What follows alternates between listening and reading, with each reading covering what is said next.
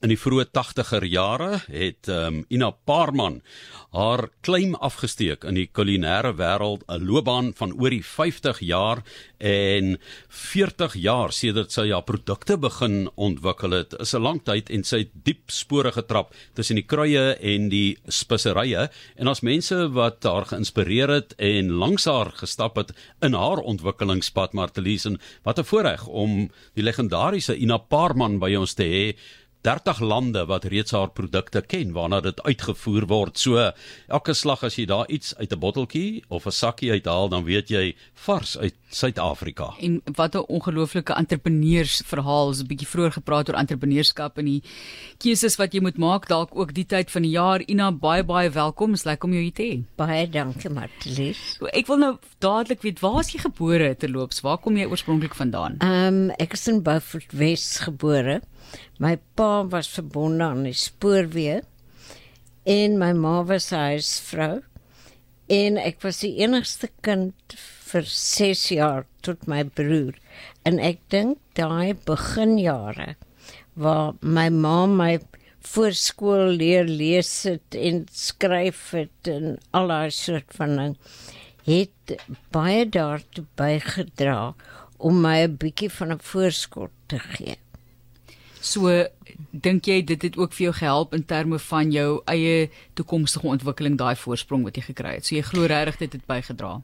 Ek dink dit het die enigste ding is ons daar is mos 'n spreekwoord wat sê daar's 'n geluk by die ongeluk. Ja. My pa is ongelukkig oorlede en toe trek ons Transvaal toe my waar my oupa gaf swarte melkry gehad. het. En ons het in 'n klein huisie op die eiendom gebly. En dit was vir my terrible. Ek was baie lief vir my pa of verlief op my pa soos enige meisietjie maar is. En die aanpassing was baie moeilik. My ma moes gaan werk en ek het die nuwe skool gehad. In elk geval die begrafplaas was op pad van die skool af huis toe. So ek het in die middag gaan sit en help by my pa se graf en dan het ek by die huis gekom. En my ouma was op daai stadium van die middag besig om te kook. En ek het daar 'n hoekie in die kombuis gaan sit en dit was die beste ding wat in my dag gebeur het. En daar het ek onbewuslik geleer ryk en geleer proe. En omdat hulle op 'n plaas was, was daar vars groente, vars vrugte, melk, botter. Ek wou nou vra wat het hulle gekook?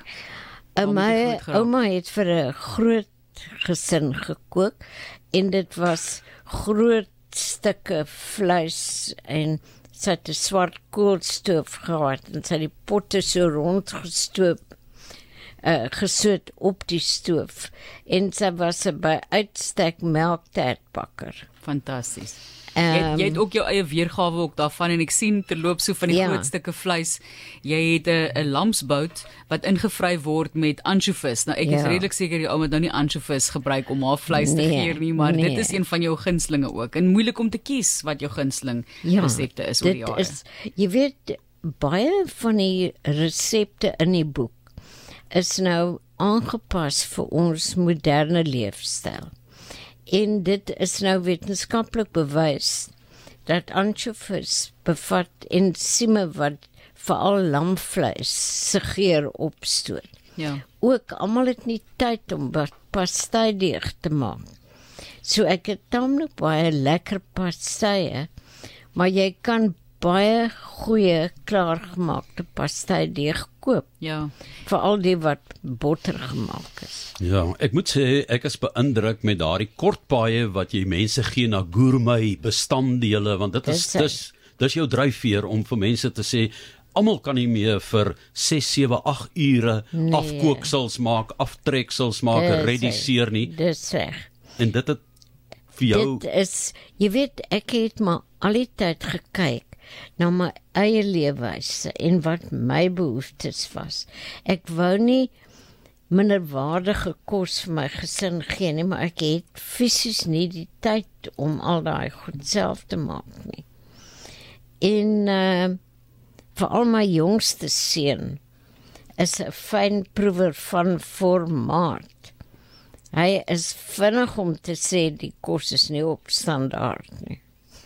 Dit dis nou Graham, né? Ja. Ja, maar jy het hier 'n ode aan die mans ook in jou lewe. Ja. Jy begin met jou oupa, mm. Gaaf Swart, mm. aan die lang tafel. Dis hy. Waar sy gunsteling was om wat te doen. die die lekker bruin oorblyfseltjie onder in die pan met 'n stukkie brood uit. O, as dit wors is, dan soos nou, dan soos omtrent Ja. nou in my ja, die sone. Ek en jou oupa is dieselfde en dan jou pa George Jooste in die Karoo gebore en jy sê hy was mal oor 'n sekere tipe lamsvleis.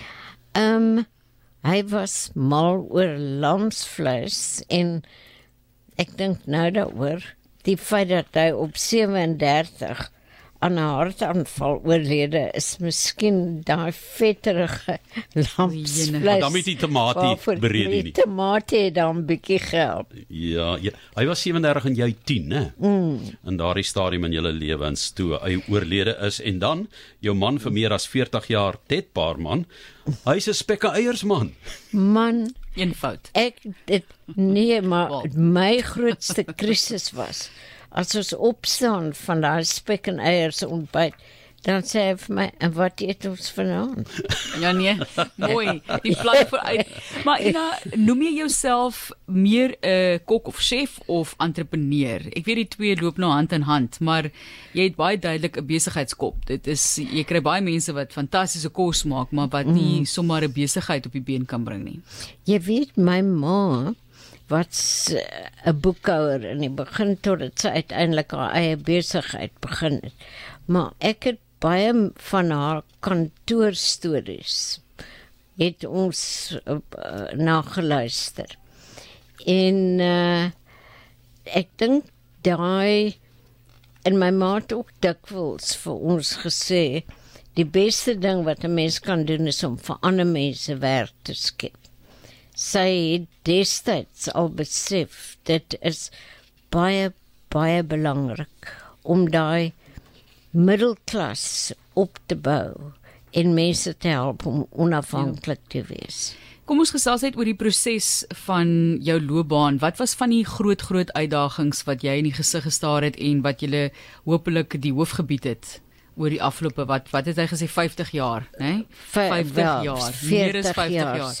Man, ek dink enige besigheid wat begin, 'n mens se eerste probleem is kapitaal en die ander probleem is hoe stel jy jou diens bekend? En daai daai was daar nie ehm um, sosiale media en daai soort van ding nie. Ek het my kinders op fietsse gesit en hulle het briefies in die bure en ek het partymal ehm um, die bure oorgenooi om te sonder om te betaal om net om my klas bietjie vol. te Goed, ja, ja, ja.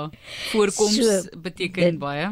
Dit is weer eens die ehm um, die aanbeveling wat mense vir hulle vriende doen Ja. wat baie belangrik is. En hoogtepunte Ina, da- daar moet so baie wees. Ek sit en kyk nou baie van die fotos ook wat jy beskikbaar gestel het en kan ek maar net sê hoe uitgevat is hierdie dame. Ek kan nou eintlik net 'n dame noem hier in die ateljee. Nee, vaderland, jy lyk nog presies dieselfde. Pragtig, pragtig, pragtige mens. Maar wat was van die groot oomblikke vir jou gewees in jou loopbaan? Ek dink ehm um, ek was baie gelukkig om met die man te trou met wie ek wel getrou het. hy, hy was 'n groot uh, hulp in die besigheid. Hy is goed met syfers en georganiseerd en so aan.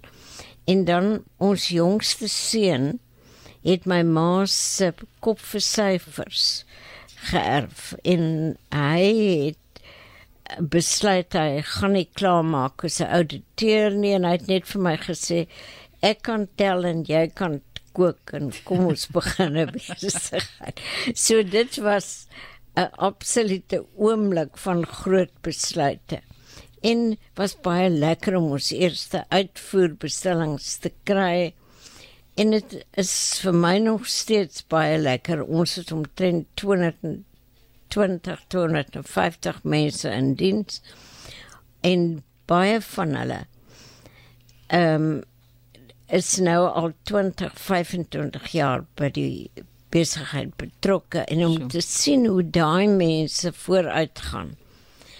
Ons het ook 'n beurskema vir hulle kinders en dis goed om te sien almal het motorkarre, hulle het huise, hulle hulle gaan vooruit.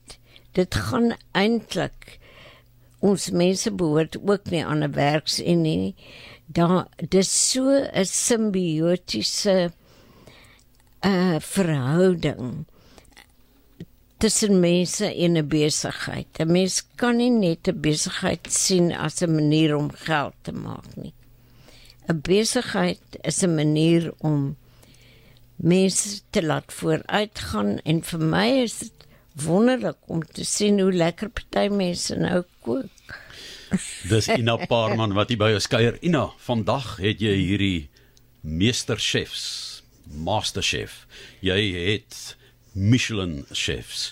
Maar jy het altyd hierdie goed na die mense se tafels toe geneem en as hulle met hulle onderhoude doen, dan sê jy altyd sien as jy was net wat wat is jou lekkerste kos? Dan is dit gewoonlik nie daai breggerige kos wat hulle maak op die TV hulle gaan terug na die basiese. En en jy kan net sien hier ek kyk nou net na jou frikadelle. Ek kan nie wag om dit te maak nie want dit lyk soos my ma se frikadelle wat sy gemaak het met die witbroodsnye en die goed wat jy inbring daar.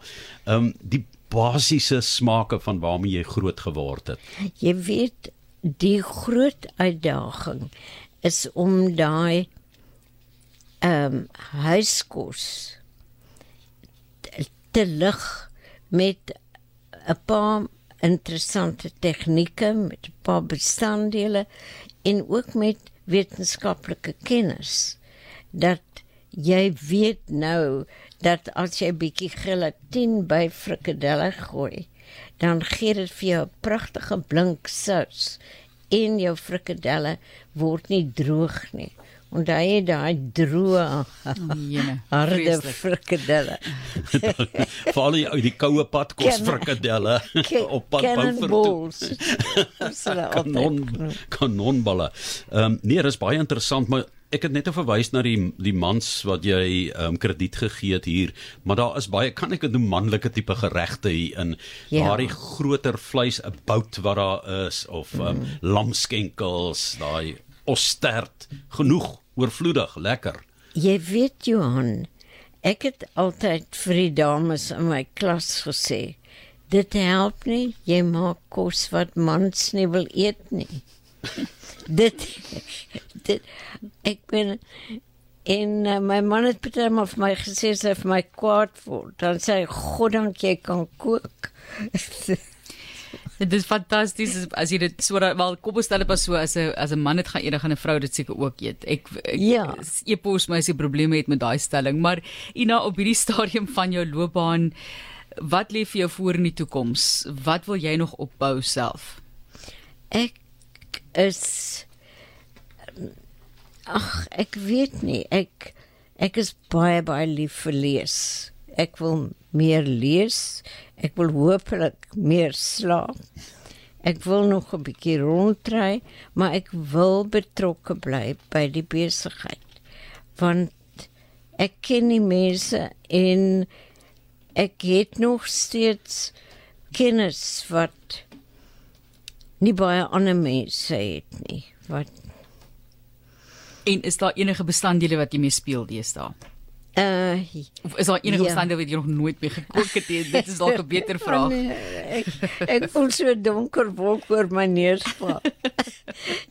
ek is passievol daaroor om bestanddele te gebruik wat in seisoen is. Want ehm um, en ook om daai wonderlike ek noem dit ehm um, perfect marriages te ontdek.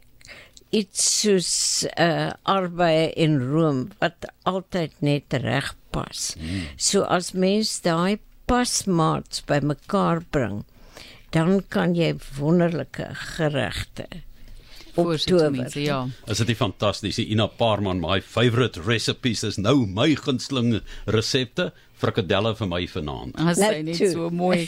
Baie baie dankie vir die gesels Ina en nog alle sukses vorentoe en ons sê baie baie dankie natuurlik aan die familie wat ook altyd betrokke is en waar die kreatiwiteit en die nommers bymekaar kom en Ted Baarman 40 jaar saam geniet daai bacon en eiers. Baie dankie. Dankie Marlies, dankie Johan.